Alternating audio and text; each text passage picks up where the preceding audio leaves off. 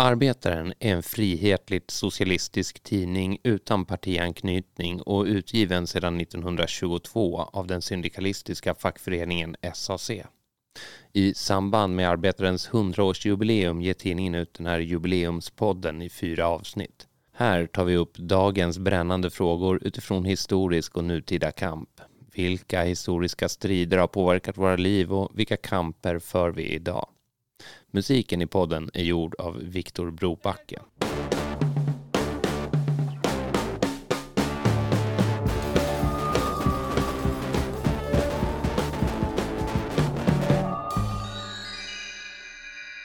Välkomna till studion och till det fjärde avsnittet av denna poddserie som firar arbetarens 100-årsjubileum. Dagen till ära är temat 100 år av antifascism. I studion har vi med oss Tobias Hübinette, docent vid Karlstads universitet som startade upp Expo och bland annat har skrivit en bok om svensk nationalsocialism under 1930 och 40-tal och en om svensk rasism mellan 1946 och 77. Välkommen. Tack. Vi har också med oss Mattias Våg som var aktiv i AFA på 1990-talet. Idag är han aktiv i researchgruppen GARM som kartlägger svensk nutida nazism. Han driver även podcasten Apans anatomi. Välkommen. Hej hej, tack. Jag heter Vendela Engström och är moderator och producent för dagens samtal. Ehm, först och främst skulle jag vilja be er göra något som kanske är lite lättare sagt än gjort. Ehm, det är att beskriva begreppen fascism och antifascism i ungefär en mening vardera. Det går ju att prata hur mycket som helst kring det då, men jag tänker att en, en väldigt enkel liksom, utgångspunkt för, för fascism just det är att det som, det, den uppstår som en självmedveten rörelse, alltså som kallar sig fascism Eh, i spåren av första världskriget, även om det finns idéhistoriska rötter bakåt. Eh, och det liksom, det, startpunkten är helt enkelt efter första världskriget. Fascismen så som den utvecklas därefter hade inte gjort det utan första världskriget. Och sen, sen blir det liksom en, en, en politisk rörelse som också kommer till makten i ett flertal länder under mellankrigstiden. Och antifascism blir då liksom dess, alltså det motsatta rörelsen som uppstår då. Men även den har naturligtvis tidigare rötter bakåt i historien. Mm. Ja, det blir, eh, det blir lite tvärtom på ett sätt när man liksom börjar med att definiera fascismen och sen definierar antifascismen. För att någonstans, eh, det jag har med mig i alla fall från antifascistisk aktion när jag var aktiv där, det var att vi hade en analys av fascismen som reaktionär mobilisering med två beståndsdelar då, reaktion och mobilisering. Och det reaktionära var att vi kan inte bara förstå fascismen inifrån den själv, liksom med dess idéer, dess syn på världen och så. Utan man måste sätta den i relation till händelser som, så, som Tobias sa, första världskriget, men framför allt ryska revolutionen och hela arbetarrörelsens framväxt om socialdemokratin, kommunismen, syndikalismen. Att det fanns en rörelse som någon som eh, eh överklassen, delar av medelklassen Eh, lantägarklasser upplevde som hot och eh, behövde kontra på något sätt. Så att reaktion i den bemärkelsen att det, det svarar på någon rörelse, det svarar på en progressiv rörelse som kom fram. Och mobiliserande i bemärkelse till att det var inte bara, det fanns ju massor med andra reaktionära strömningar som var liksom högerkonservativa eh, politiker eller liksom idéer eller aristokratiska, elitistiska projekt. Men fascismen försökte vara en massrörelse på gatorna. Den försökte liksom gå utanför lagen. Den försökte slå direkt mot arbetarrörelsens samlingspunkter. Så att eh, se den som en mobiliserande rörelse. Att den försökte liksom på något sätt ja, men kopiera folkrörelsekaraktären. Den uppkom ju ur liksom politiserade miliser som kom hem från första världskriget och liksom i första hand var liksom gatukämpar och ur det blev parti. I det här avsnittet ska vi ju snacka om just antifascistisk historia i Sverige. Så jag tänker att vi börjar med eh, när och reaktion mot vad etablerades de första antifascistiska grupperna i Sverige. Mm, eh, då måste vi, eller då, då, då kanske det är bra att gå tillbaka till den moderna svenska fascistiska rörelsens uppkomst då. Och eh, den är ju mångt och mycket liksom en kopia av det som sker på kontinenten. Framförallt i Italien och eh, Tyskland då. Tyskland var ju också det land som vi tittade mest på på den tiden från svensk sida. Eh, och eh, eh det är 1924 man brukar säga då som det första svenska nazistpartiet uppstår. Och det sker då i Värmland och det är ett tre bröder det, som, som kommer att spela en stor roll då för den svenska fasciströrelsen under decennier och framförallt Birger Furugård som är Sveriges första fascist och nazistledare skulle man kunna säga då. Eh, och eh, bara två år senare, 1926, så bildas en organisation som öppet kallar sig fascistisk, Sveriges fascistiska kämporganisation. Och den här gruppen och det här första svenska nazistpartiet som dessutom är det första nazistpartiet utanför den tysktalande världen. De sår, sår ihop sina organisationer 1930 och det är från och med 1930 då som det finns ett riksomfattande svenskt nazistparti. Sen finns det ytterligare då en, en organisation som fanns redan då och den, den, kommer ifrån den gamla högern skulle man kunna säga. Det var i mångt och mycket den gamla svenska högerns ungdomsförbund. Eh, och det här, den här, man skulle kunna säga att det var dåtida MUF helt enkelt. Eh, och den här organisationen, den bildades redan 1916 Eh, men radikaliseras eh, i och med första världskriget och ännu mer då på 20 och 30-talet. Eh, och 1934 så bryter den här organisationen med dåvarande Moderaterna och bildar eget och kallar sig då Sveriges nationella förbund. Och den här sista då, organisationen, den, den, är egentligen mycket större än den svenska naziströrelsen. Och den är lite svårare att beteckna liksom rent ideologiskt, men man brukar slå ihop de här rörelserna då eh, som liksom den samlade svenska fasciströrelsen under mellankrigstiden. Och det partiet som du nämnde som bildades 1930, vad hette det? Eh, Svenska nationalsocialistiska partiet, SNSP, som faktiskt under några år hade sitt partihögkvarter i närheten här eh, på Tegnérgatan eh, mm. i Stockholm. Eh, innan det så var partihögkvarteret i Karlstad i Värmland men ett tag så huserade man här i Stockholm. Så hur såg den antifascistiska kampen ut då? Om vi pratar Sverige, är det, den är inte jättekänd och det finns liksom ingen som riktigt har borrat i den rörelsen om vi pratar mellankrigstiden men, men den uppstår ju som en reaktion på att eh, vi får ett fascistparti och ett nazistparti i Sverige då.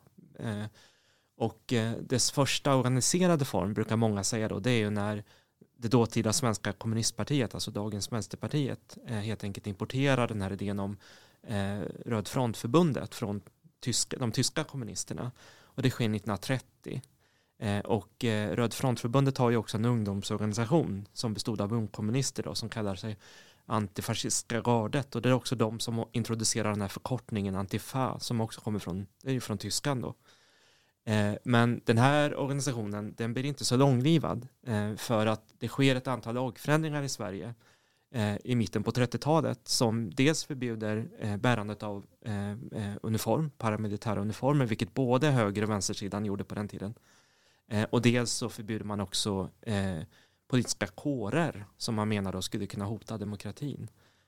Men det här är väl, ja det anses vara liksom embryot till någon slags mer militant antifascistisk rörelse och det är i huvudsak då en kommunistisk rörelse. Och har ni någon koll på vilka former av metoder eller så som användes vid den tiden eller? Ja det var ju i mångt och mycket till, eller till viss del, på många sätt samma som sen kom att användas under efterkrigstiden. Alltså att man störde deras möten, eh, man gick till deras, eller på deras möten, då, de offentliga mötena. Och, eh, eh, antingen försökte man delta i diskussionen eller också försökte man blockera dem. Eh, Sjöng internationalen ja, på mötet. Det var en klassiker som man gjorde. Mm. Eh, man rev ner deras affischer, eh, man störde deras eh, flygbladsutdelningar och så vidare. Eh, man kunde besöka deras, för det fanns flera nazistiska och fascistiska bokhandlar och partihögkvarter och sådär på den tiden. Eh, de kunde liksom få besök på olika sätt. Alltså det var den typen av aktiviteter som genomfördes. Och om vi spolar framtiden lite grann så hur utvecklades fascismen i Sverige efter att liksom Hitler fick makten och under liksom Nazityskland och under kriget? Eh, och hur såg antifascismen ut här mm. då? Ja, det är ju framförallt efter eh, Hitlers maktövertagande 33 då som den svenska nazist och fasciströrelsen verkligen liksom får medvind. Och det är i mitten på 30-talet som ett antal olika partier då får som mest röster dessutom i, i, i fria val i Sverige. Och som mest får de runt 2 procent om man slår ihop partierna då, så det är inte mer. Eh, eh, och, eh, så det var ju ingen jättestor rörelse. Eh, men eh, att sympatisera med Nazityskland, det var större, alltså den, den företeelsen var större än liksom antalet som röstade på de här öppna nazist och fascistpartierna. Eh, det var vanligare än, än eh, liksom så då. och det var framförallt vanligt inom de övre skikten. Och det kan vi se för att det finns bevarade medlemslistor från den här tiden för ett antal eh, högerextremade pro-nazityska pro organisationer då som i första hand organiserar eh, det man då på den tiden kallade socialgrupp 1. Eh, och det är alltså tusentals personer då som, som finns med i de här listorna, medlemslistorna som i stort sett alla har den typen av alltså överklass, övre medelklassförankring. Där fanns det ett, ett, ett, eh, ett visst stöd helt enkelt för Nazityskland som säkert hade kunnat eh, eh betyda mycket rent negativt och så, såklart om tyskarna hade invaderat Sverige. Eh, men längre än så kommer de inte utan eh, man brukar säga att som mest kanske de olika partierna, de nazistiska och fascistiska partierna samlar max runt 30 000 medlemmar som kommer och går ska man säga då. Det är viktigt att komma ihåg. Eh, och hela den här liksom scenen, möjligen runt 100 000 medlemmar, återigen som kommer och går. Och det är inte jättemycket, men det är ändå mycket naturligtvis. Eh, det, det beror på hur man ser det. Eh, de hade också ett flertal dagstidningar till sitt förfogande, ska man komma ihåg, och ännu fler vecko och månadstidskrifter och sådär. och det, de, de, hade ju, alltså det fanns en närvaro, det fanns, de hade partilokaler och bokhandlar och allt vad det kunde vara och sådär. där. Ehm, och eh, när det gäller den antifascistiska rörelsen så, så, får den, så tampas den under den här tiden med, eh, ja det är flera problem egentligen, men, men ett problem är ju som jag säger kommunistpartiet då som, som är helt knutet till Sovjetunionen. Eh, och som, som gör att de eh, partier som då liksom har, har eh, försvurit sig till, till den parlamentariska demokratin, de, de har svårt liksom att samarbeta med kommunisterna och vice versa. Och framförallt det blir ännu värre naturligtvis med efter Molotov-Ribbentrop-pakten som, som gäller mellan 39 och 41 när Nazityskland och eh, Sovjetryssland är allierade. Eh, så det här är liksom en inbyggd konflikt då som liksom eh, är väldigt tydlig i dåtidens antifascistiska rörelse och där finns det också en jättetydlig konflikt naturligtvis mellan kommunister och syndikalister. Inte minst på grund av det som händer då i Spanien eh, under inbördeskriget. Eh, och, och den, den, tredje liksom faktorn är ju socialdemokratin som redan då är eh, ett maktbärande parti i Sverige. Det är redan då det största partiet i allmänna val. Eh, och framförallt under eh, krigsåren så, så styrs ju Sverige inte bara av Socialdemokraterna utan av samtliga partier utom kommunistpartiet. Så det är alltså en samlingsregering som också innefattar de borgerliga partierna. Och för socialdem socialdemokratin blir det då viktigt att på något sätt hålla ihop den här regeringen. Och därför så Eh, eh, ja, nu försvarar jag inte Socialdemokraterna, men därför så, eh, det är så tror jag man måste förstå att Socialdemokraterna har så svårt att liksom eh, eh, tåla en viss typ av antifascism kort och gott och inte minst tidningar som Arbetaren som är en tidning som besagtas allra mest av en slags censur som man inför på den tiden då från samlingsregeringens sida. Och det här är också något som, som blir som en hämsko för den antifascistiska rörelsen då som som är ganska, alltså det finns eh, en organiserad antifascistisk organisation under krigsåren som heter Förbundet Kämpande Demokrati. Och där eh, finns det mycket, där är det många socialister och många liberaler som samlar sig då, men det blir aldrig någon massrörelse ska man komma ihåg. De har några tusen medlemmar. Däremot så ger de ut en tidning som man skulle kunna säga liksom den andra viktigaste tidningen i Sverige bredvid Arbetaren eh, som antifascistiskt organ och det är trots allt. Och man skulle kunna säga om man så vill att trots allt och arbetaren de konkurrerar nästan om att hänga ut nazister och avslöja olika nazistskandaler i Sverige under krigsåren. De har båda liksom grävande journalister som är väldigt duktiga på det här.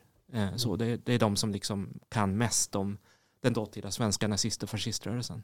Man kan ju säga att vänstern i hela Europa var ju sliten mellan två strategier, främst kring kommunistpartiet, där med enhetsfront och folkfront där liksom Stalin svängde Komintern från det ena till det andra och enhetsfronten det var ju den tidigare strategin liksom att eh, kommunisterna och socialdemokraterna skulle göra gemensam sak och den var initierad från kommunisterna liksom att man skulle och där fanns det utrymme också för en militant gatukamp på ett sätt.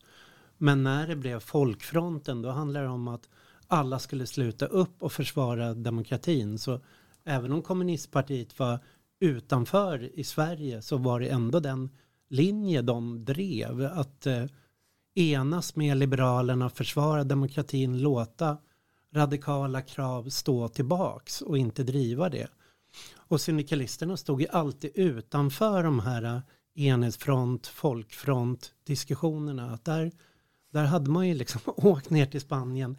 Man hade Spanienveteraner, man hade sin grävande journalistik. Så att, så att det, det gick ju, det, det var väl därför man var så egen röst också. Att man aldrig lämnades in i folkfrontstrategin utan mm. körde en radikal antifascism från början till slut.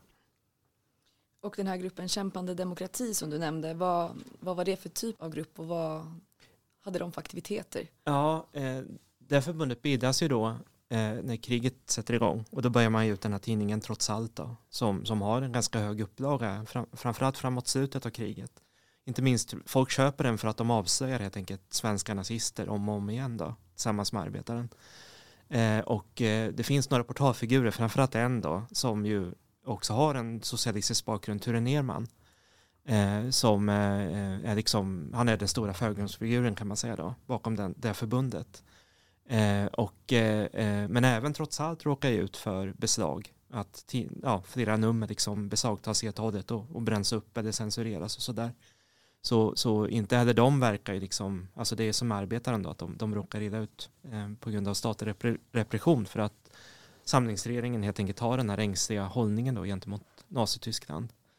Eh, och eh, när kriget sen är över så eh, försvinner trots allt också kan man säga. Eh, så det här är liksom någonting som sker under kriget och som sagt 3000 medlemmar max skulle jag tippa på har de. Eh, så. Eh, men det är viktiga medlemmar också ska man komma ihåg. Det, det, eh, ledande eh, journalister på, på en del liberala tidningar är med exempelvis i kämpande Eh, eh demokrati sådär. En del öppet, en del i hemlighet då. Eh, så. så det är någon slags kontaktyta kan man säga. och ja, det är liksom alla olika ideologiska grupperingar kan, kan, kan träffas bara man är emot fascism och nazism. Mm. Okej. Men under den här tiden, vilka var de största svenska fascistiska rörelserna? Under krigsåren så ser det lite annorlunda ut, för som sagt toppåren, toppåren det är mitten på 30-talet, sen kommer ja. de inte längre. Det, sen går det ut för både i vad vi vet i medlemsantal och det vi vet med säkerhet är ju då eh, i antal röster och sådär. Och även i, i liksom aktivitet om man börjar räkna på det, hur mycket möten de håller, hur många tidningar de har till sitt förfogande och sådär. Eh, så under krigsåren så finns det som, de, det som är kvar då, eh, det är dels det största svenska nazistpartiet som leds av Sven-Olof Lindholm då, eh, som, som kallas Lindholmspartiet. Och det är liksom de som har blivit, eh, det är de som på något sätt har fått det partiet som har fått personifiera svensk nazism i, i dess, liksom, som en svensk kopia av den tyska nazismen skulle man kunna säga då. Partiet byter visserligen namn och kallar sig Svensk Socialistisk Samling under krigsåren, men alla fattar ju att de liksom ändå är en kopia av den tyska nazismen. Och sen finns det ytterligare ett parti då som, som ställer upp i val dessutom under, under krigsåren och det är det här märkliga partiet som kommer ifrån arbetarrörelsen. Eh, Socialistiska partiet som byter namn till Svenska Socialistiska partiet för att verkligen markera att de liksom har, har valt en pronazistisk linje.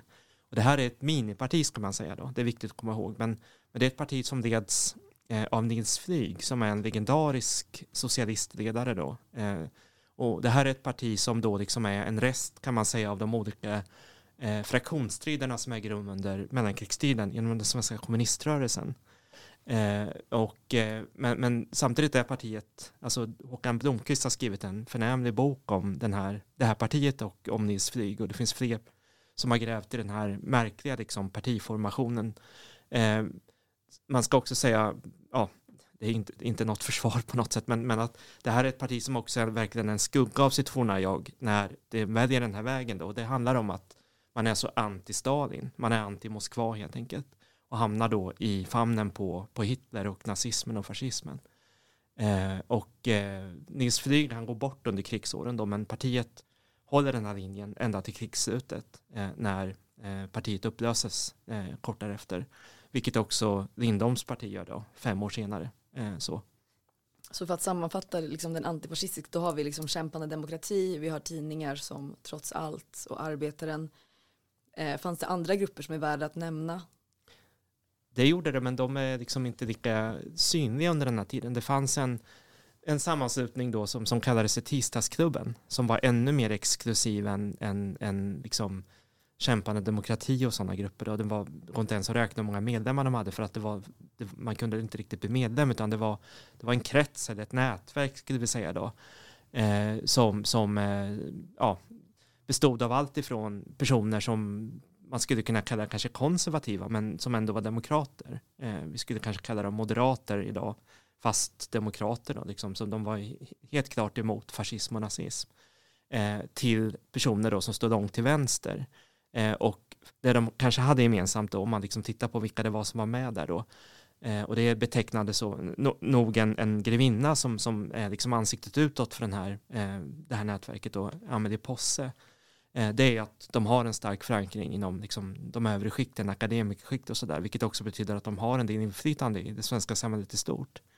Eh, men den här gruppen den verkar ju mer liksom i skymundan kan man säga. Eh, så. Eh, och hjälper även flyktingar som kommer hit och sådär. Både eh, antifascistiska flyktingar och judiska flyktingar. Mm.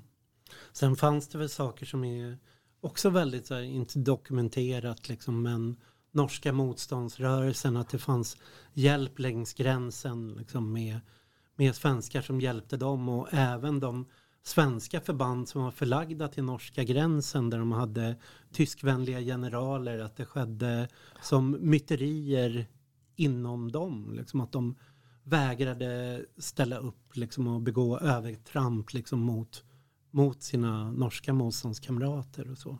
Mm. Det, det, är mindre eh, så eh, utforskat men, men det, så var det. det. Och det fanns också eh, icke-svenska antifascistiska grupperingar naturligtvis i Sverige. Det fanns väldigt mycket norrmän men det fanns också danska, det fanns också eh, brittiska och pro-brittiska liksom, aktivister som verkade i Sverige också. Sverige var ju mångt och mycket, inte minst Stockholm då, men även till viss del Göteborg, något av ett paradis för, för spioner brukar man säga under krigsåren för att vi var neutrala. Eh.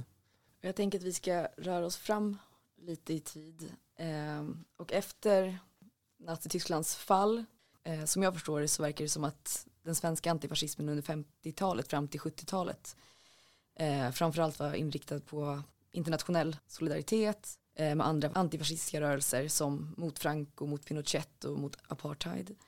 Eh, tycker ni att den bilden stämmer eller hur skulle ni beskriva den antifascistiska rörelsen under de här, vad blir det, nästan 30 åren? Så det... Jo, nej, men det stämmer ju. Att det är internationellt arbete eller så är det liksom minnesarbete, liksom Spanien frivilligas förening och sådana saker. Men sen så spelar väl Sverige också en roll i att nykonsolidera, nybilda den internationella fasciströrelsen och samla den efter kriget. Att det, vi har ju Per Engdahl som eh, Nysvenska rörelsen, hur han bildar den här Malmörörelsen, kallar till de första kongresserna där det som kommer bli MSI i Italien och mm. alla kan delta. Så att det, där de eh, liksom någonstans slår an vad efterkrigsstrategin ska vara. Mm. Och samla sig igen.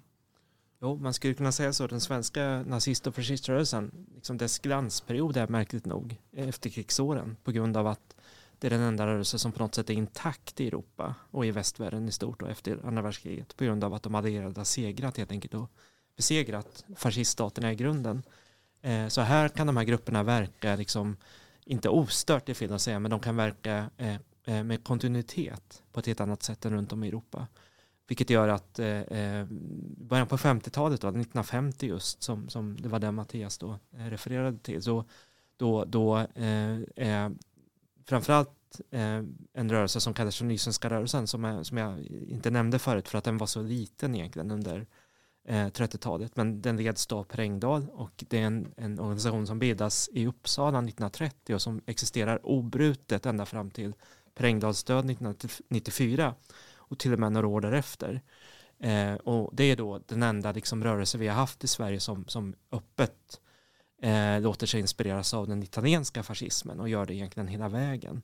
Och det är i mångt och mycket en intellektuell rörelse så det är inte en rörelse som, som ställer upp i val även om det faktiskt sker en gång. Eh, men, utan det är en rörelse som helt enkelt då eh, ser sig som intellektuell och också är i mångt och mycket intellektuell. Alltså, Så man samlar akademiker. Och den här lilla rörelsen som räknar kanske några tusen medlemmar max 1950 om ens det. Eh, eh, eh, bjuder då in till ett eh, paneuropeiskt möte i Malmö 1950 då, som blir grunden för det som, som Mattias nämnde nu då, eh, som, som officiellt kallar sig eh, den europeiska socialrörelsen, men som då ofta går under namnet Malmörörelsen för att den får sitt högkvarter i Malmö eh, och det är samma som Nysvenska rörelsens högkvarter helt enkelt. Eh, och det här under en tid när de här partierna, de är ju, förutom på Iberiska halvön, så är de ju spillror. Eh, många har flytt till antingen Mellanöstern eller till eh, Latinamerika. Mm. Ja, av ledarna och sådär. De som har överlevt, väldigt många har ju dött liksom, eller sitter i fängelse och sådär. Eh, och eh, det är under de här åren som, som den här rörelsen sakta men säkert reser sig ur ruinerna, skulle man kunna säga, då, rent billigt talat. Och det är med hjälp av svenskar och inte minst med hjälp av svenska pengar. För vad man gör är också att man, man börjar, samma år börjar man ge ut en tidskrift, Nation Europa, som märkligt nog också kommer ut obrutet ända in på 90-talet. Till och med ända in på 00-talet faktiskt. Eh, och den finansieras med svenska pengar. Eh, och blir liksom den absolut viktigaste intellektuella tidskriften för den internationella nazist och fasciströrelsen under hela efterkrigstiden fram tills att det vi idag liksom kallar de högerpopulistiska partier som börjar uppstå från de här 70-80-talen dyker upp då. Eh, för då ändras spelplanen igen. Men, men under den här övervintringsperioden, liksom, och det är ju som du säger, det är flera decennier vi pratar om, så, så är det liksom, eh, där, där spelar svenskarna en jätteviktig roll. Och det, det är svårt att förstå svensk nynazism, den rollen som, eh, vad ska man säga, allt från eh, eh, vit maktmusiken får sen till eh, det som brukar kallas nyfascism, identitära föreställningar, alt-right, där Sverige spelar en central roll, fast det är en liten miljö, så är den en internationell organisatör. Och det har ju också med att Tyskland som har varit det naturliga centrumet, när, när man förlorar kriget, när fortsättningen av nazistpartiet förbjöds där och de olika nynazistiska grupperingarna hela tiden kriminaliserades. Och det skedde liksom på 70-talet, 80-talet, 90-talet framåt så behövde man flytta sitt centrum för att ha illegala strukturer in i Tyskland. Och de där illegala strukturerna sköttes från Danmark och Sverige som var försörjningslinjer. Och det var liksom kopplat både propaganda och vapen som liksom fraktades in genom de där linjerna. Så därför kom eh, vi, eller vad ska man säga, den svenska liksom, högerrörelsen att spela en oerhört viktig roll internationellt. Precis som antifascismen var internationellt organiserad så, så var liksom den svenska extremhögern var internationellt organiserad. Men hur såg motreaktionerna ut mot de här grupperingarna? Ja, de, de underskattas skulle jag säga. Det är liksom den, den krigstida antifascismen och förkrigstida, alltså 30-40-talets antifascistiska rörelse i Sverige med alltså arbetaren trots allt och de andra aktörerna som vi har pratat om. Eh, det är inte så att de liksom lägger ned allting. Eh, det finns personer framförallt på arbetaren, Arma Sastamoinen framförallt då. Det är han liksom som är det stora namnet här. För han är kontinuiteten bakåt. Eh, han sitter ju på expertkunskap om de svenska fascist och naziströrelsen och det är han som också börjar skriva om Malmörörelsen före alla andra. Men han skriver på något sätt som i ett vakuum för att föreställningen är att den här rörelsen kommer aldrig någonsin att återhämta sig. Eh, ledarna är avrättade, sitter i fängelse eller har flytt som sagt. Då. Eh, och eh, det blir inte mer än så, de kommer aldrig komma igen. Och dessutom sätter rekordåren in, liksom, det är, ja, eh, socialdemokratins hegemoni, eh, välfärdsstatens eh, konstruktion och allt det här. Så, så det är ingen som riktigt lyssnar på arbetaren och Masasta Moinen. Eh, men han behåller ju den här sakkunskapen, det gör han ju. Och eh, han kommer ju sen ut med ytterligare en bok som uppdaterar vad som har hänt. Och i mångt och mycket är det han som också eh, mynt, inte myntar, men han, han, det är han som liksom gör att den här termen nynazism står igenom också i svenska språket. Alltså nazister som fortsätter att vara aktiva efter kriget. Då. Eh, men, men det är mycket, ja du sa det förut att eh, eh, den antifascistiska och man så vill antirasistiska kampen under efterkrigsåren är väldigt mycket inriktad på andra länder. Så allt som sker i Sverige sker i mångt och mycket i skymundan och tillåts göra det också. Så det är inte särskilt många som har den här kollen då när det sker i realtid. Har ni någon koll på liksom hur finansieringen såg ut av den fascistiska rörelsen då och Mm. vart kom pengarna ifrån? Det, det finns en jätterik person som lever fortfarande då. Han går bort 1962, Karl-Anfred Karlberg, som äger ett stort antal fastigheter här i Stockholms innerstad. Bland annat eh, det här huset på Odengatan när, i närheten av där vi sitter. Som på den tiden kallades Bruna huset. Han ägde hela det huset och där hade han också en organisation som kallades Samfundet Mannhem. Han är en mång, mång miljonär, alltså en person som vi idag skulle kalla en superrik person. Och det är hans pengar som är överallt under den här tiden och de blir än viktigare då efter 1945. Eh, så det är, alltså han är han ensam skulle jag säga, hans förmögenhet ensam håller den här rörelsen eh, flytande under de här eh, decennierna. Eh, så, eh, så, så mycket kan en persons pengar ibland betyda faktiskt. Sen sker det ju liksom andra saker på 80-talet, 90-talet som Mm. skapar en annan form av ekonomi. Men fram tills dess så är det ju så. Ja, jag tänker att vi ska börja röra oss mot 80-talet. så det var ju passande. Eh, det, går, det går snabbt eh, nu. På 80-talet förändras den politiska spelplanen och både den antifascistiska och den fascistiska närvaron i samhället ökar. Vad beror det på? Det går inte att, det går inte att liksom förstå uppsvinget för liksom den, den, vad vi nu vill kalla det, den högerextrema rörelsen eh, och att en ny generation kommer in då eh, utan att nämna 68 och den nya vänsterns och ungdomsupproret liksom betydelse. För, för det här är i mångt och mycket en rörelse som eh, alltså nyrekrytering, om man, om man går tillbaka till innan 1968 så, så och tittar på vad som finns i Sverige på den fascistiska och nazistiska sidan så är det i mångt och mycket en gubbrörelse, till viss del kanske en tantrörelse också. Men det är väldigt mycket gubbar eh, som bara förgubbas och förgubbas. De blir alltså äldre och äldre för varje år som går. Det är personer som gick med i den här rörelsen eh, antingen innan eller under kriget. Och sen har ny, i stort sett har liksom ny, nyrekryteringen avstannat. Men så kommer då 60-talet och framförallt slutet på 60-talet och ännu mera 70-talet då, det, när den nya vänstern växer fram och eh, eh, eh, i kölvattnet av, av, av det då som är liksom väl utforskat och allting och det är ju mängder med människor som lever än som var med då så där så, så växer också en motrörelse fram eh, i skuggan av den nya vänsterrörelsen liksom, eh, som är mindre utforskad men, men som också får sin organiserade form eh, i en organisation som kallar sig Demokratisk Allians eh, som för att beskriva den, alltså det är så här till höger om MUF kanske man kan säga. Det var också en ungdomsrörelse bestående av högerungdomar som tyckte att den gamla högern inte liksom lyckades stå emot den här radikala vänstervågen. Så, som också var väldigt tredje världen orienterad. Eh, Eh, och inom Demokratiska allians som egentligen bara existerar i några år så, så eh, passerar ett antal personer som vi idag vet liksom är de som grundar BSS som sen blir Sverigedemokraterna. Så det är liksom där de hittar varandra när de är tonåringar eller unga studenter är många också då. Eh, så, så det är liksom det som i mångt och mycket gör att eh, eh, på 70-talet, framförallt kanske när de blir lite äldre på 80-talet så börjar det dyka upp lite yngre personer i de här gamla organisationerna som aldrig har hänt förut. De bara liksom dyker upp i tomma intet kan nästan tyckas då liksom. Och de, de, de kommer ifrån den generationen då som har radikaliserats i opposition emot 68 eh, rörelsen då. Mm, och de söker ju sig dit. Tar kontakt med de gamla, liksom, försöker liksom återknyta till det historiska arvet. Så att det är ju, men som organisation som Nordiska rikspartiet som har spelat väldigt stor roll som brygga däremellan. Att de har ju varit pyttesmå, marginella, de eh, var nog få som kände till dem. Det var liksom tryckeriförbud, man fick inte trycka deras tidningar eller tryckbranschen liksom censurerade dem. Men eh, de fick in den här unga skinnskallekulturen i slutet av 70 början av 80-talet. Och eh, först var de första att bygga upp någon så här ungdomsgrupper av det här. Eh, Eh, det som kommer att bli riksaktionsgrupper som de kallar raggrupper. ragggrupper.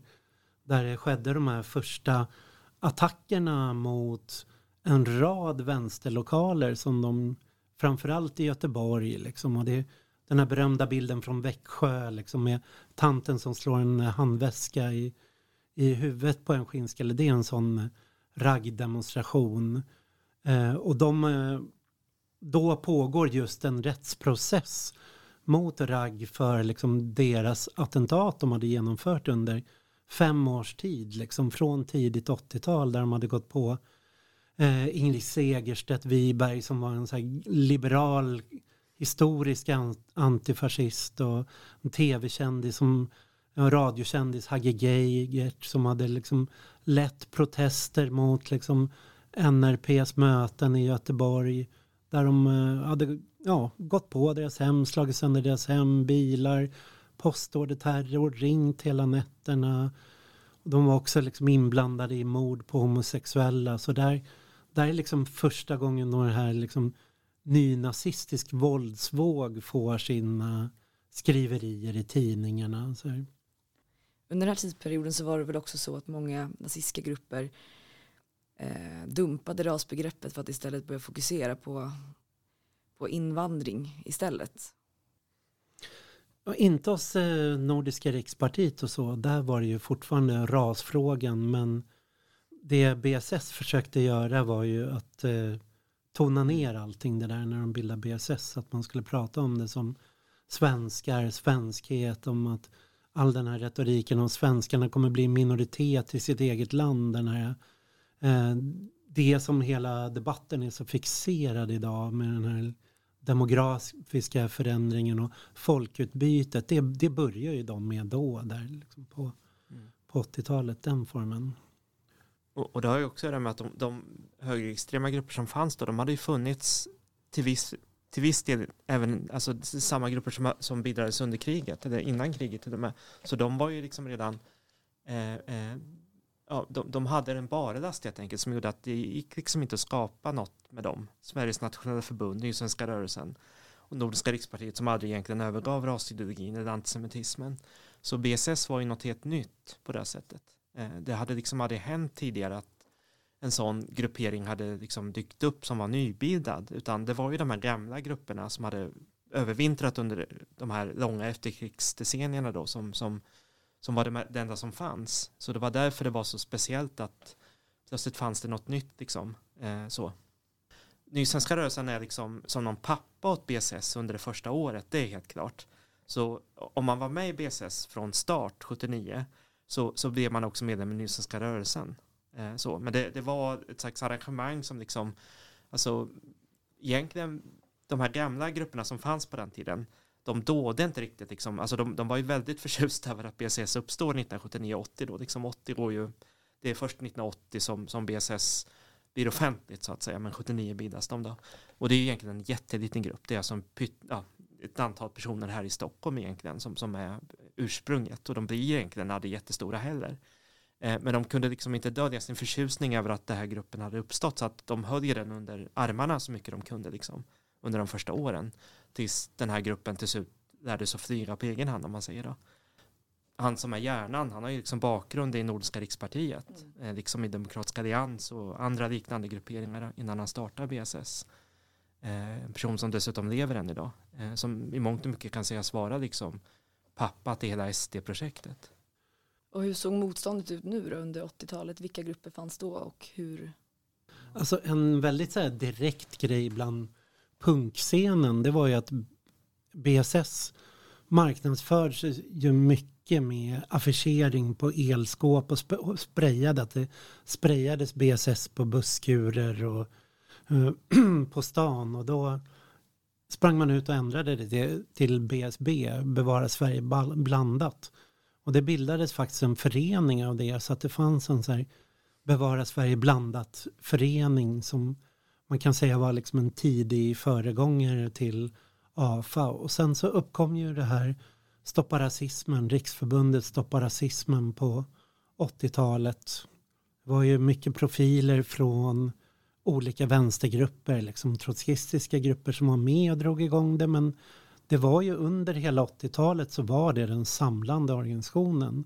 Och den tidningen Stoppa rasismen, det var där Stig Larsson gjorde sina antifascistiska kartläggningar av den nynazistiska rörelsen och så. Så den var ju central. Och när eh, BSS, eller snarare Sverigepartiet och sen Sverigedemokraterna började gå ut och ha torgmöten och samla på sig skinnskallar för att göra det, då var det ju också Riksförbundet Stoppa Rasismen som gick ut och hade de här motdemonstrationerna på 30 november och utanför Åhléns i Stockholm city. Då var det mycket sådana motdemonstrationer.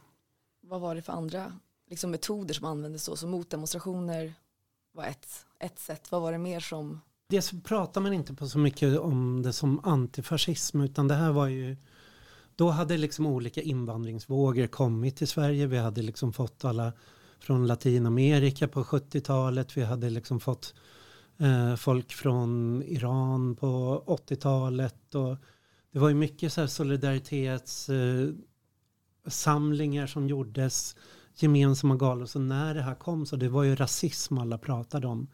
Även eh, det fanns så här rör inte min kompis-kampanjen SOS Rasism som mer Socialdemokraterna tog över och drev. Så att jag kommer ihåg liksom, de drivande i Stoppa rasismen var alltid noga att prata om så här, eh, och prata om det finns främlingsfientlighet, den är utbredd i samhället, men rasisterna är ett fåtal och rasisterna demonstrerar på 30 november.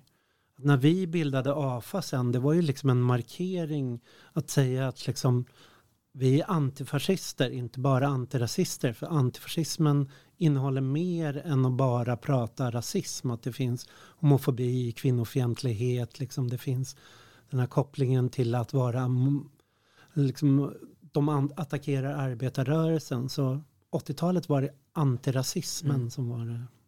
Och det är också det årtionde då just själva termen antirasism slår igenom i svenska språket. Det är, det är, inte någon som liksom kallar sig det riktigt, alltså på 60-talet, 70-talet, utan det är verkligen 80-talet. Det är också på 80-talet som frågor om liksom rasism tas hem till Sverige. Ja, vi var inne tidigare på att alltså, solidaritetsrörelsen efter andra världskriget är väldigt mycket inriktat på att stötta eh, kampen mot eh, rasism framförallt och i andra länder, kolonialism också naturligtvis och även eh, fascism i Sydeuropa.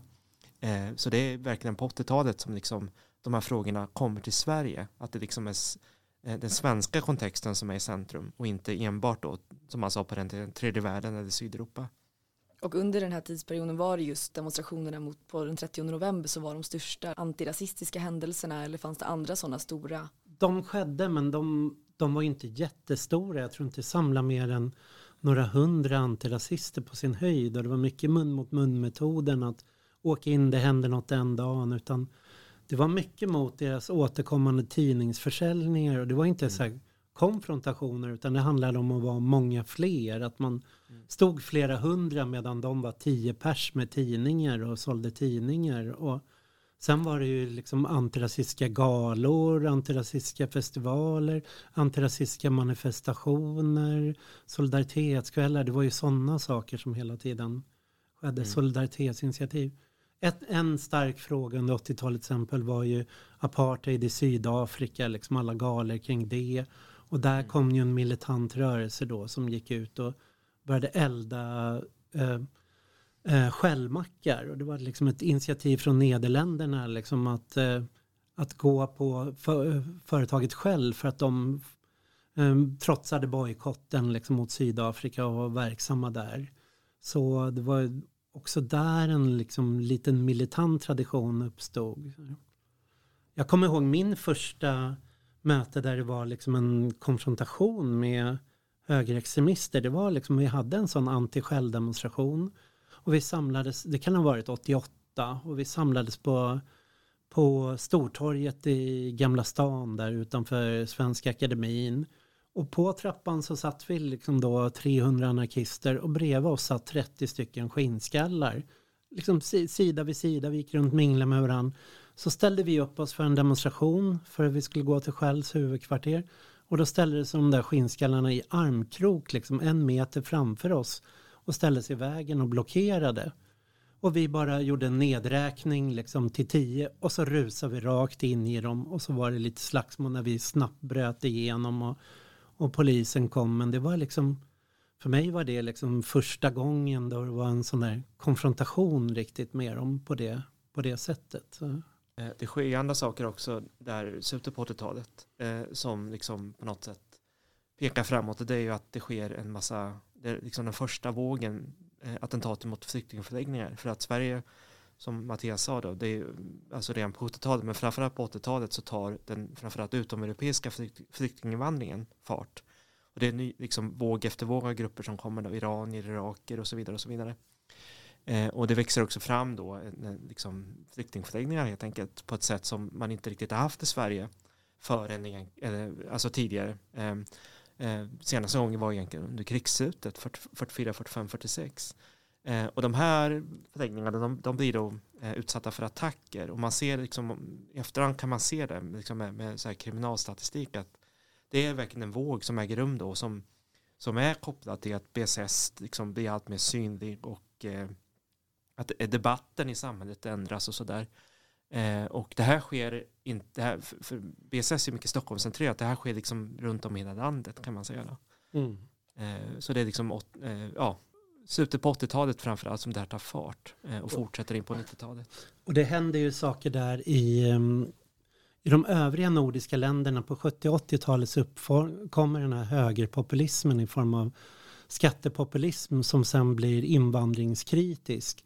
Och den får inte fäste riktigt i Sverige. Att här i Sverige har vi fortfarande någonstans Centerpartiet är närmast vi kommer ett populistiskt parti som är oprövat kort som inte har suttit i regeringen och kan kanalisera det där. Medan i Skåne däremot så blir det mycket en dansk kopia där man liksom importerar de här danska missnöjespartierna. Det blir kommunala partier liksom som uppkommer i varje stad. Och det är också i Skåne som de här första flyktingvågen kommer liksom till de skånska kommunerna. Det är där de anländer med färjor. Det är där de först får bo. Så att det saker sker i Skåne tio år nästan innan det sker i övriga Sverige. Och det är ju där som Björn Söder, Jimmy Åkesson och alla de sko skolas i den här skånska missnöjespopulismen. De kommer ju inte via BSS, liksom. de kommer inte via den traditionen utan de kommer från det som sker i Skåne då.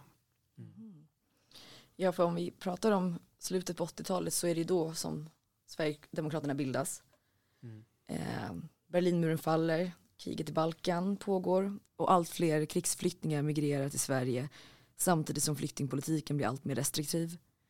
Eh, i början av 90-talet så går Sverige in i en ekonomisk kris, vi får en borgerlig regering ledd av Carl Bildt 92 anordnas den så kallade invandrarstrejken då tusentals migranter lade ner arbetet under parollen utan invandrare stannar Sverige.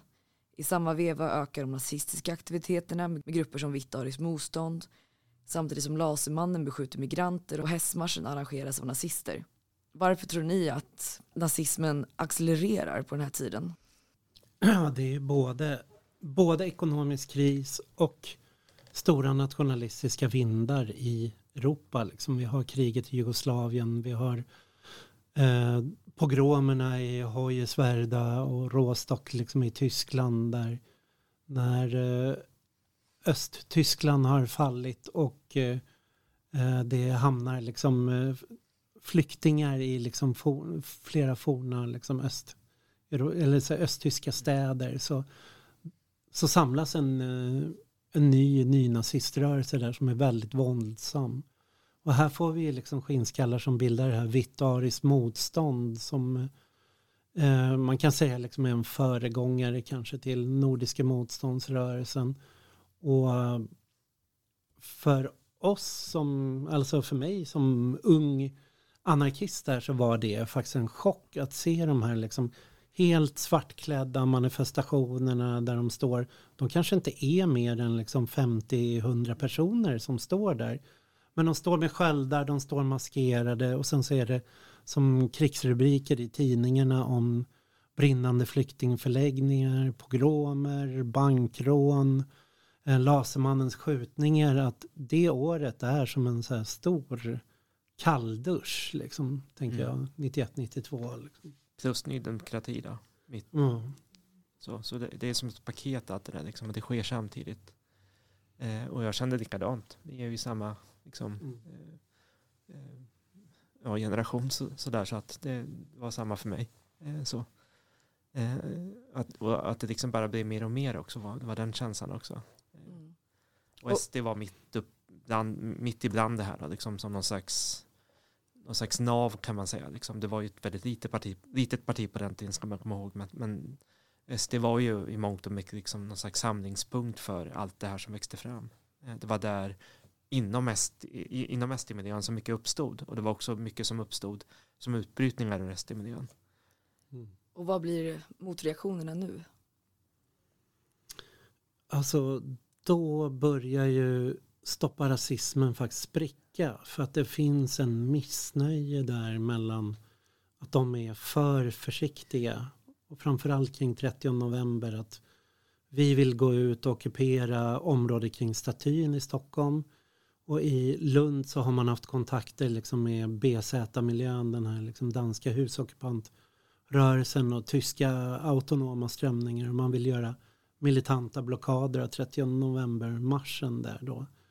Så då, då blir det liksom en splick, spricka mellan den här mer öppna antirasismen och den militanta antifascismen som går ut på att någonstans slå tillbaka. Så jag ser det som en rätt så här, pacifistisk punk, anarkist, ockupantmiljö någonstans. Man har gjort direktaktioner men det, det har ju inte varit liksom våldskonfrontativ på det sättet som, som någonstans tar ett beslut i den där liksom situationen att vi måste börja försvara oss. Vi, från att bli jagade måste vi liksom någonstans bli jägare och liksom kunna försvara våra strukturer, liksom slå tillbaka. Det är väl liksom det nya som sker där. Mm. Och i mångt och mycket är det ju 13 november då som är liksom symbolen för det här nya som föds då. Ny form av antifascism. Och det är både Lund och Stockholm. Men det är ju så kopplat också till, alltså Sverigedemokraterna genomför olika turnéer så de har de har ett stor manifestation på Götaplatsen i Göteborg som är väldigt sån där fascistisk estetik, liksom hur man utformar hela det mötet, hur torget ser ut, hur det är upplyst med liksom med um, museet där i bakgrunden och Poseidon-statyn liksom. Och de, de, besöker en rad städer, liksom de är i Växjö blir det konfrontationer. Då använder de så mycket av de här nynazisterna som demonstrationsvakter på, på sina tillställningar. Så det är inte så att eh, nazisterna, de här nazinätverken som uppstår är SD skilda från varandra utan det är väldigt tätt kopplat. Och den förbind, förmedlande länken någonstans är ju också att SD tidig och fånga upp den här vikingarocken och börja organisera eh, konserter i anslutning till sina aktiviteter. Och de startar en rad skivbolag. Så att deras lokala olika eh, företrädare startar skivbolag och börjar släppa liksom. Så att det kommer ett 50-tal olika band där. Och parallellt med det här så bildas AFA och du var ju med när det bildades. Hur, vill du berätta om hur, hur AFA blev till? Ja, alltså det, vi hade årliga sådana anarkistmöten, anarkistmötet A90 och anarkistmötet A92. Och från att alla anarkister hade kommit och pratat om all möjligt så, så började det bli väldigt så här, lite mer ämnesorienterat. Att man pratar om miljökamp, feminism, och då blev antifascism ett ämne på det där anarkistmötet 92. Eh, och då hade ju man hela erfarenheten från de här 30 november eh, demonstrationerna, militanta blockaderna i Lund och liksom konfrontationerna som började ske. Där man beslöt att upprätta ett nätverk. Och då hade i Stockholm hade man använt namnet antifascistisk aktion redan på 30 november 91. Så 93 hade vi ett möte på Bona folkhögskola där vi beslöt att liksom bilda det här nätverket. Det var väldigt öppet och spretigt vilka som var med. Det var inte alls klart att det skulle bli det som AFA sen blev utan det var Ung Vänstergrupper, andra liksom vänsterorganisationer och eh, studenter som gick på Bona folkhögskola och anarkister från olika delar av landet som, som kom dit och liksom pratade om att nu behövs det något nytt. Stoppa rasismen räcker inte längre. Jag kommer ihåg 30 november 93 så till exempel så gjorde vi en affisch inför eh, 30 november i AFAs namn där vi skulle skriva då och klargöra vad vi menade. Så vi skrev så här, men tillsammans mot eh, eh, kapitalism, rasism och sexism stod det. Och så kom det ner en grupp som var med i RFSL som bara, men varför står inte homofobi med? Och så la vi till det också.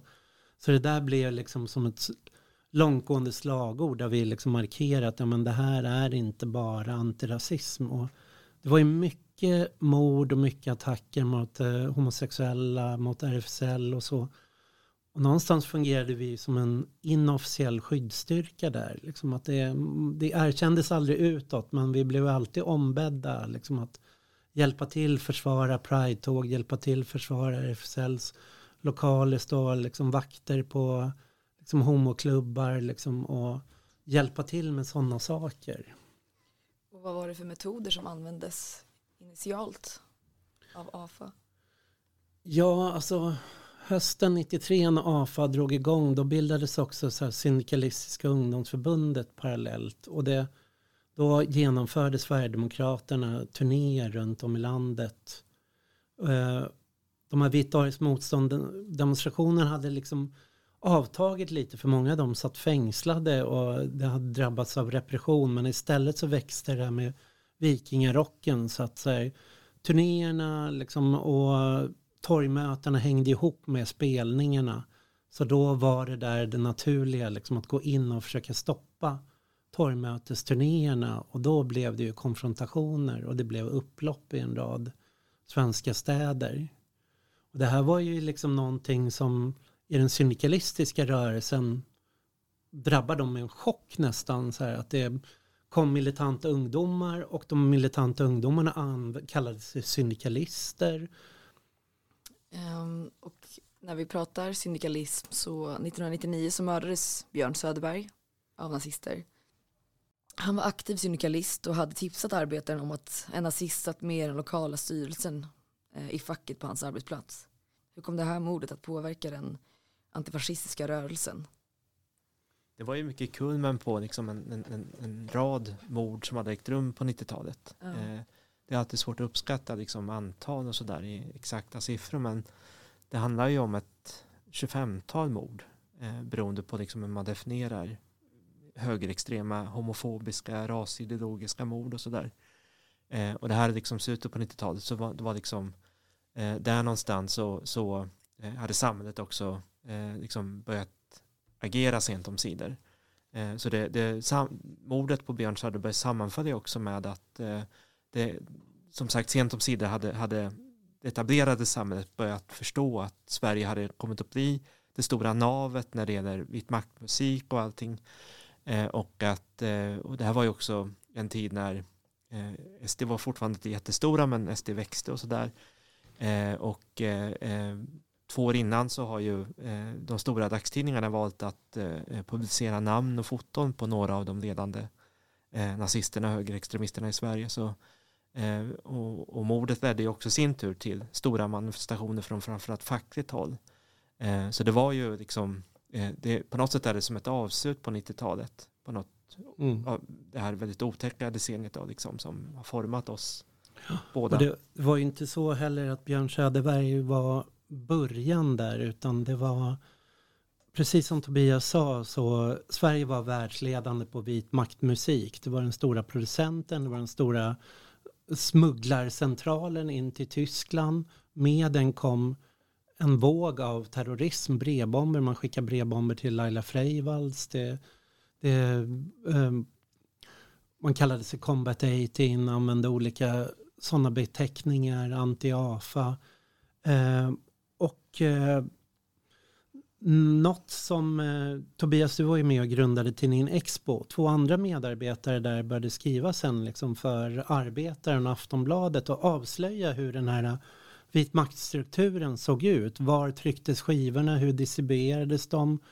Eh, och orsakade väldigt stor skada. Så att eh, i slutet av 90-talet så brakade mycket av den här vit makt-scenen samman med stora interna bråk och militans och samtidigt kom de här nazisterna från Vitt ariskt motstånd ut från kåken och hade avtjänat sina straff.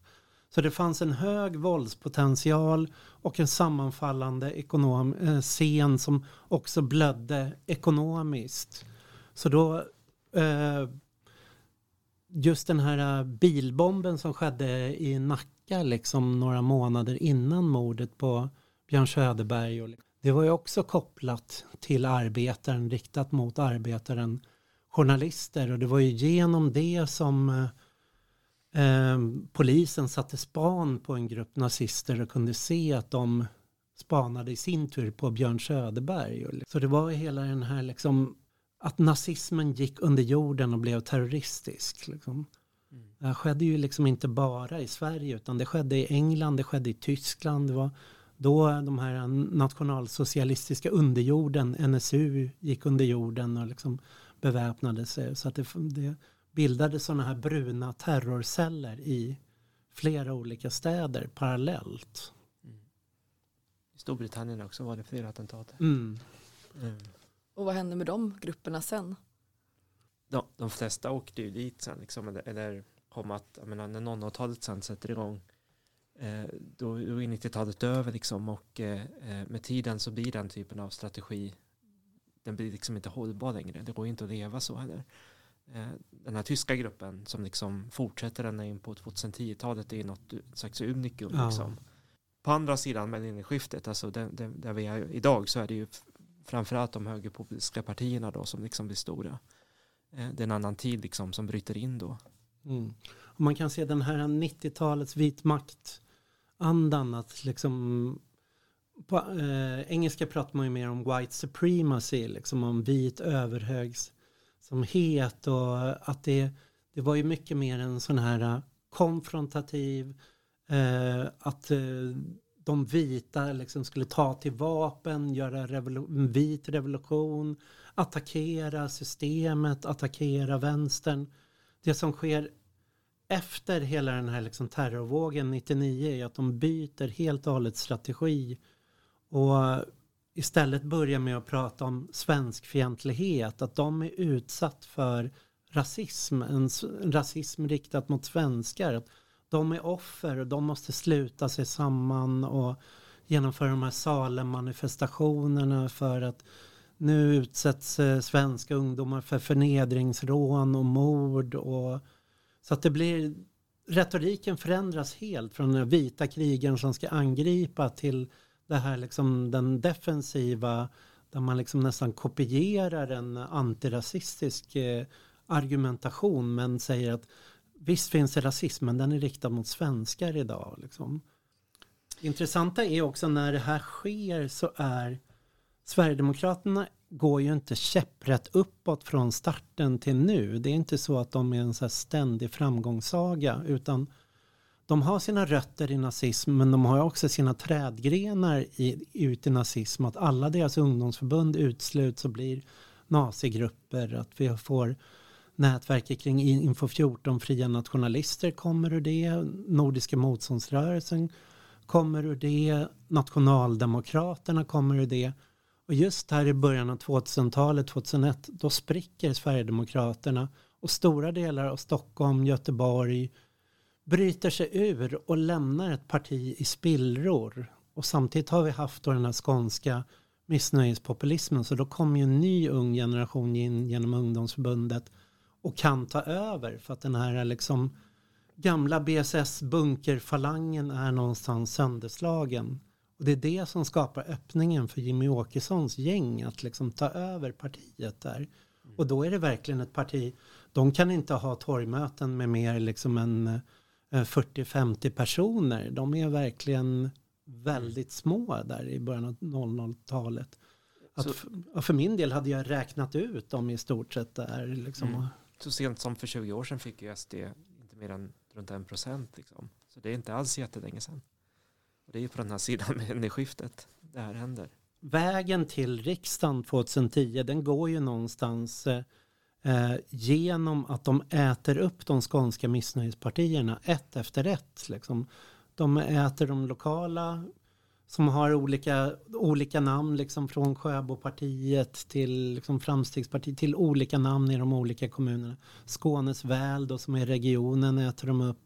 Och från det liksom har de Skåne och Blekinge som trampolin in i riksdagen. Att det är ju skånska och Blekinges röster som 2010 leder till att SD kommer in i riksdagen.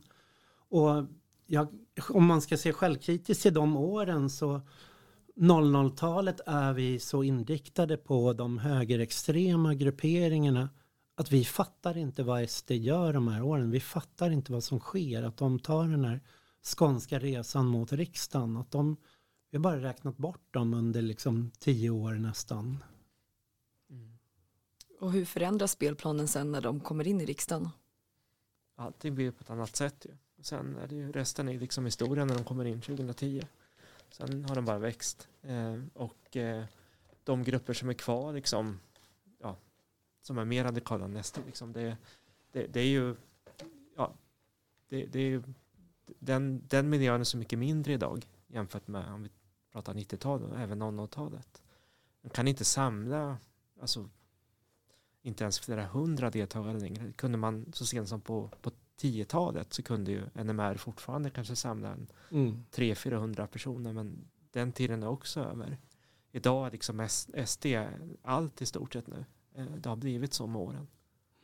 Men sen får man ju också se att Sverigedemokraterna, om det är skånska missnöjespartierna som skjuter in dem i riksdagen så är det också alternativmedierna då som växer de här åren. Att det börjar också mycket från Skåne och det är anti-islamska bloggnätverk då som kallar sig för nätverken mot politisk korrekthet och så bildar de eh, politiskt inkorrekt. Det är den största bloggen, den suger upp allt, byter namn till Apixlat och heter idag Samnytt och det är Kent Ekeroths gäng då liksom som är de som som startade där. Sen knoppade det av sig en rad andra, Fria Tider, Nyheter Idag liksom och det uppstår en hel sån flora. Så att det är lite som varje populistisk rörelse är en kombination av liksom en anarkistisk spretighet underifrån och en totalitär styrning ovanifrån. Liksom. Och SD, de lyckas få det att sammanfalla där. De har en styrande grupp som kan manövrera den här båten som någonstans surfar på en våg underifrån där inte längre är en rörelse på gatorna utan är en rörelse på internet och i alternativmedier. Så det är där de kommer genom det här kulturkriget liksom bygga sin eh, styrka de här eh, åren liksom från 10-talet till idag. Liksom. Parallellt med det, hur har liksom den antifascistiska rörelsen förändrats? Nu har vi liksom gjort en snabbspolning av 2000-talet här, men hur, hur ser den antifascistiska rörelsen ut idag? Ja, alltså man kan se när Reinfeldt och Alliansen får makten 2006, då har det varit en vänstervåg där liksom antirasismen antifascismen har spelat en rätt underordnad roll. Det var globaliseringsrörelsen, motståndet mot Irakkriget och eh, protester mot eh, försämringar av a-kassan och sånt. Och sen är det rätt tyst under den första regeringsperioden med Reinfeldt. Det händer inte rätt mycket. Vänstern är försvagad. Och sen från SD kommer in, då blir det stora demonstrationer vid SDs riksdagsinträde. Och sen kommer hela den här förortsorganiseringen som man kan säga liksom megafonen, pantrarna och så kommer um, REVA-protesterna, um, Feministiskt initiativ. Trots sitt namn Feministiskt initiativ så är det ju mer ett antirasistiskt parti faktiskt de åren som skjutsas fram av de här antirasistiska. Så att uh, 2010 till 2014 sker ju mycket när sajten Rummet, mm. många medier börjar liksom anställa liksom unga kaxiga förortstjejer som ska liksom bli röster liksom. Mm. Så att det är en väldig öppning för antirasismen, det som kallas som en, med det du ägnar dig åt, kritiska vithetsstudier och postkolonial teori. Ja, det är lite av en storhetstid. Sen smäller det tillbaks liksom med backlashen liksom. Fick den krisåret. Så efter? Fick den krisåret 2015 är liksom vattendelaren där. Mm. Men fram till dess så är det väldigt mycket så som Mattias beskriver det. Och hur påverkas rörelsen då? Ja, det är ju då alternativmedierna blir riktigt stora. Det är då liksom SD börjar växa eh, rejält eh, och allting accelererar på något sätt. Liksom. Och när, efter det året då, eh, alltså det är ju också kulmen på, alltså det blir så paradoxalt, både liksom stora, de sista egentligen stora demonstrationerna eh, för flyktinginvandring äger rum då liksom. Det har inte gått, alltså, efter det så har det inte gått att samla så många människor. Så eh, det var ju ändå liksom uppemot 10-15 tusen som, som lyssnade på Stefan Löfven tror jag på Medborgarplatsen mm. exempelvis. Och så jättelänge sedan är det inte. Eh, men det går nästan inte att tänka sig att det skulle kunna hända idag. Eh, så det är ju liksom då allting kastas om kan man säga. Mm. Ja, för Kärrtorp kämpar Malmö och Refugees Welcome, det är ju de största manifestationerna där. Men sen har vi hela, när Löfven kommer till makten och försöker med decemberöverenskommelsen hålla Sverigedemokraterna utanför. Hålla det, där, det som kallas kordon sanitär mot SD. Det som sker då är ju att alternativmedierna har börjat rycka i Moderaternas, Kristdemokraternas väljare och det blir ett väldigt stort missnöje inom de borgerliga partierna. Där de förstår att det går att fortsätta ha en borgerlig majoritet. Eller det finns inget annat sätt att fortsätta ha en borgerlig majoritet än att göra det tillsammans med Sverigedemokraterna. Och Svenskt Näringsliv och Dagens Industri, alla börjar väldigt hård lobby liksom på att släpp in SD, liksom riv den här kordon sanitär strategin. Så den stora förändringen någonstans är ju liksom inom borgerligheten de åren. Plus att Sverige, alltså Socialdemokraterna också väljer att liksom eh, skärpa flyktingpolitiken liksom och ta, mm. ta steg liksom högerut. Liksom. Så, så antifascismen någonstans har ju under hela, alltså under första vågen där den postkoloniala antirasistiska vågen liksom då gynnades man ju och var en del av det, kunde organisera de här kämpa-demonstrationerna. Och, eh, men från 2015 och så har det ju också varit svårt för, för antifascismen. Att man har fått inrikta sig på liksom de mest militanta grupperna som fortsatt att angripa vänstern. Och vi har ju liksom med alternativmedierna har skett en svängning också mycket mer från från gatukonfrontationer till så kallade doxningar, uthängningar. Man publicerar personuppgifter, liksom att det är eh, starta nätrev, nättrakasserier. Liksom det, mm. det har helt förändrat. Den här liksom, ja, terrorn har liksom förändrats liksom från högern. Och vilka är de grupperna nu som du pratar om? Alltså det finns inga stora grupper och det är lite så här, om man tänker det är ofta fel att tänka sig att det är organisationer med tidningar utan ofta är det liksom det är sajter med organisationer. Att liksom Nordfront är det centrala för Nordiska motståndsrörelsen. Det är inte Nordiska motståndsrörelsen som har en sajt utan det är nästan tvärtom att sajten har en organisation som hjälper till att sprida den. Så att det är stora mediaprojekt liksom att du har Fria Tider, Nya Tider, du har liksom Nordfront, du har eh, deras eh, gemensamma uthängningssidor som Amaskerat och Exakt 24 och så. Så att de bildar som ett gemensamt alternativmediakomplex där de delar studios, de delar reporters, de eh, skjuter pengar mellan varandra, de organiserar gemensamma bokmässor. Så att det det är mer en sånt, ja, sån miljö kan man säga, än att det är enskilda organisationer. Och hur kan man agera mot det? Ja, ja. Ska man...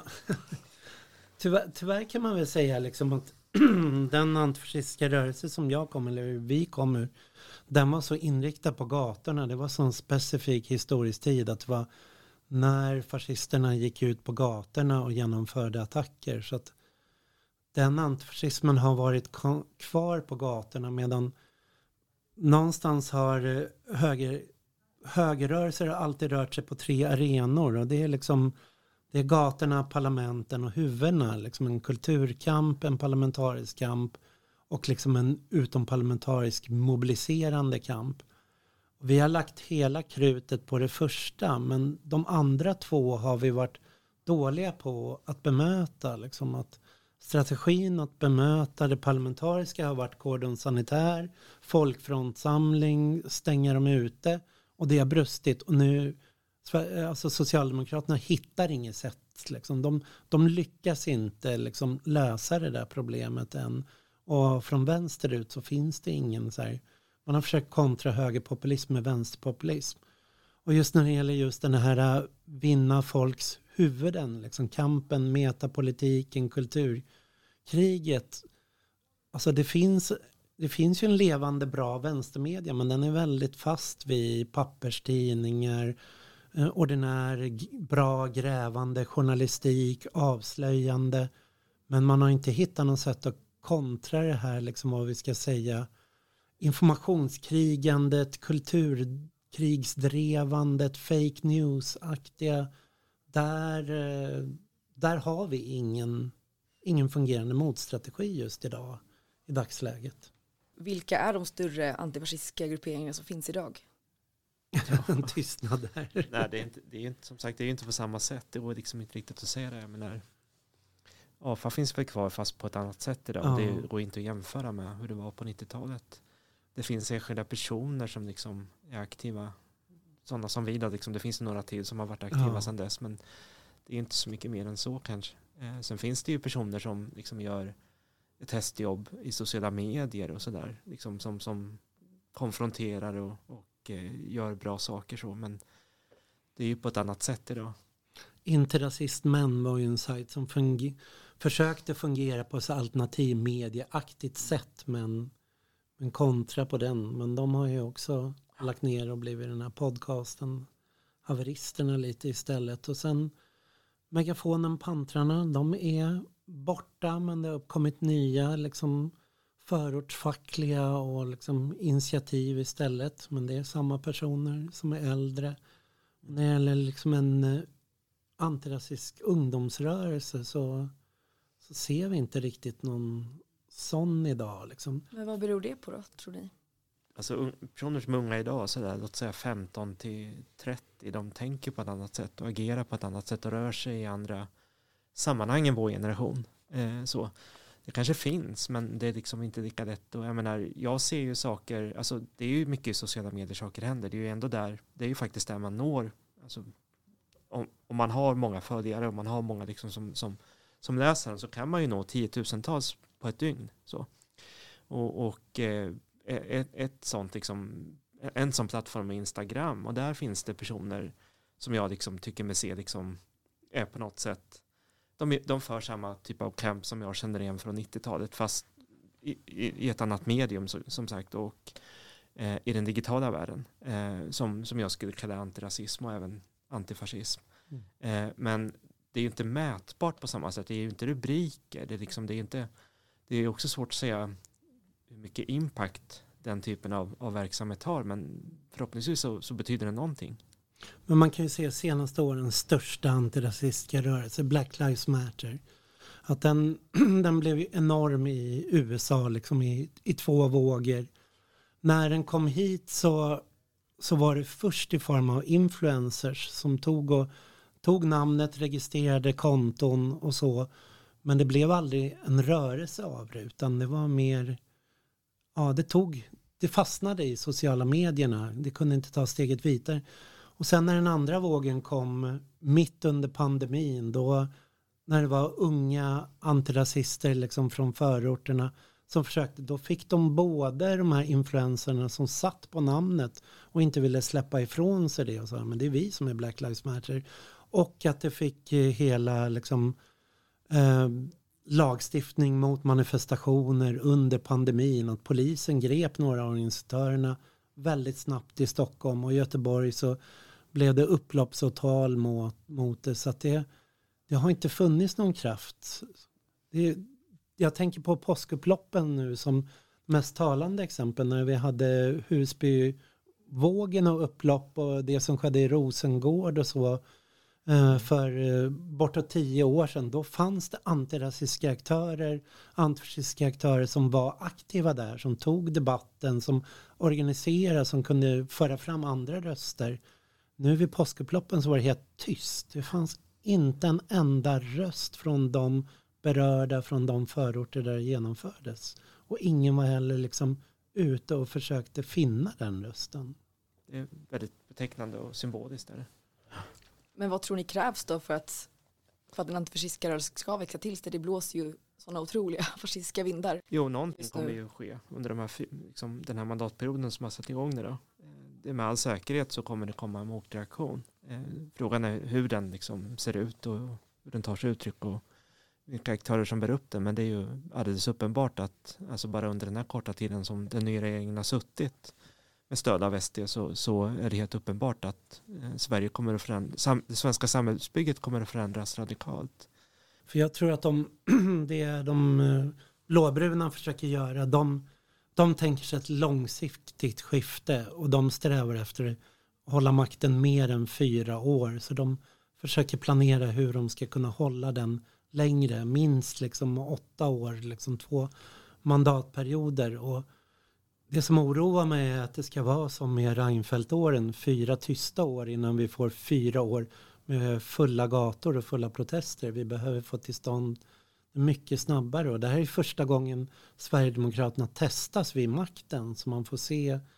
Det, de är inte opposition längre även om de försöker liksom ge sken av att de fortfarande är opposition. För de kan inte de kommer skadas av att liksom tvingas ta av den här oppositions oppositionsrollen så det är väl mm. där liksom öppningen finns just nu. Mm. Och jag tänker att vi ska börja runda av. Eh, vad kan vi lära av de här hundra åren av antifascism? Vad har fungerat bra, vad har fungerat mindre bra? Vad kan man ta med sig framöver? Ja, alltså i mångt och mycket har det ju varit framgång om man säger så, liksom om man tittar alltså, för hundra år sedan och, och det som sker under mellankrigstiden, krigsåren, efterkrigstiden liksom eh, och även egentligen alltså 80-90-talen. Det är ju alltså om man skulle sammanfatta det, det är ju otroligt liksom, stora historiska skenen vi pratar om och många decennier liksom och olika partier och aktörer även på, på högersidan. Men det är ju liksom ändå någon slags, alltså lärdomen är väl att det är helt klart så att det går att eh, mota tillbaka den här typen av, av rörelser så att den inte får exempelvis då eh, röster i, i allmänna val. Eh, vilket de inte fick på 30-talet. De hade kunnat mycket väl kunnat få det, liksom, som de fick runt om i Europa på den tiden. Men det är något som gör att de inte får det eh, i Sverige under mellankrigstiden. Det är också något som gör att de liksom inte lyckas nå ut under efterkrigstiden också. Eh, och 90-talet som sagt, då, det, det är ju alltså, fortfarande SD ett mikroparti Eh, under den tiden. Ja, jag tror också det finns mycket att lära och det är mycket framgångsrikt som har gjorts. Däremot är det svårt att liksom lyfta framgångsrika eh, strategier från en tid. Jag tänker att någonstans AFAs hela period startade när eh, nyliberalismen på stort slog igenom i Sverige. Och nu befinner vi oss i en tid när nyliberalismen håller på att växla över i någonting annat. Kanske mer auktoritär nyliberalism eller reaktionär nyliberalism. Men under de här åren så fanns det ett öppet utrymme ändå för vissa progressiva idéer när det gäller liksom mänskliga rättigheter, hbtq, liksom tolerans liksom för individens rättigheter och val där, där det inte var på konfrontation med liksom liberalismen, med liksom den formen av dominerande kapitalism. Idag så är det mycket mer, det kommer det finns inte den toleransen längre utan det, det blir en mer konfrontation. Det utmanas på, på alla plan. Och då tror jag också att vi måste tänka oss antifascism på alla plan. Liksom både när det gäller huvuden, eh, parlamenten, gatorna. Liksom, för vi, vi får inte någonting gratis längre på de arenorna som, som vi kanske har haft liksom nu ända sedan efterkrigstiden. Liksom. Så att ehm, ja, det behövs betydligt större bredd i sättet att jobba. Så det är dags att organisera sig. Ja. Som alltid. Okej, men då får jag tacka så mycket för att ni har kommit hit idag och för att ni har varit med i det här poddavsnittet. Mm, tack. tack.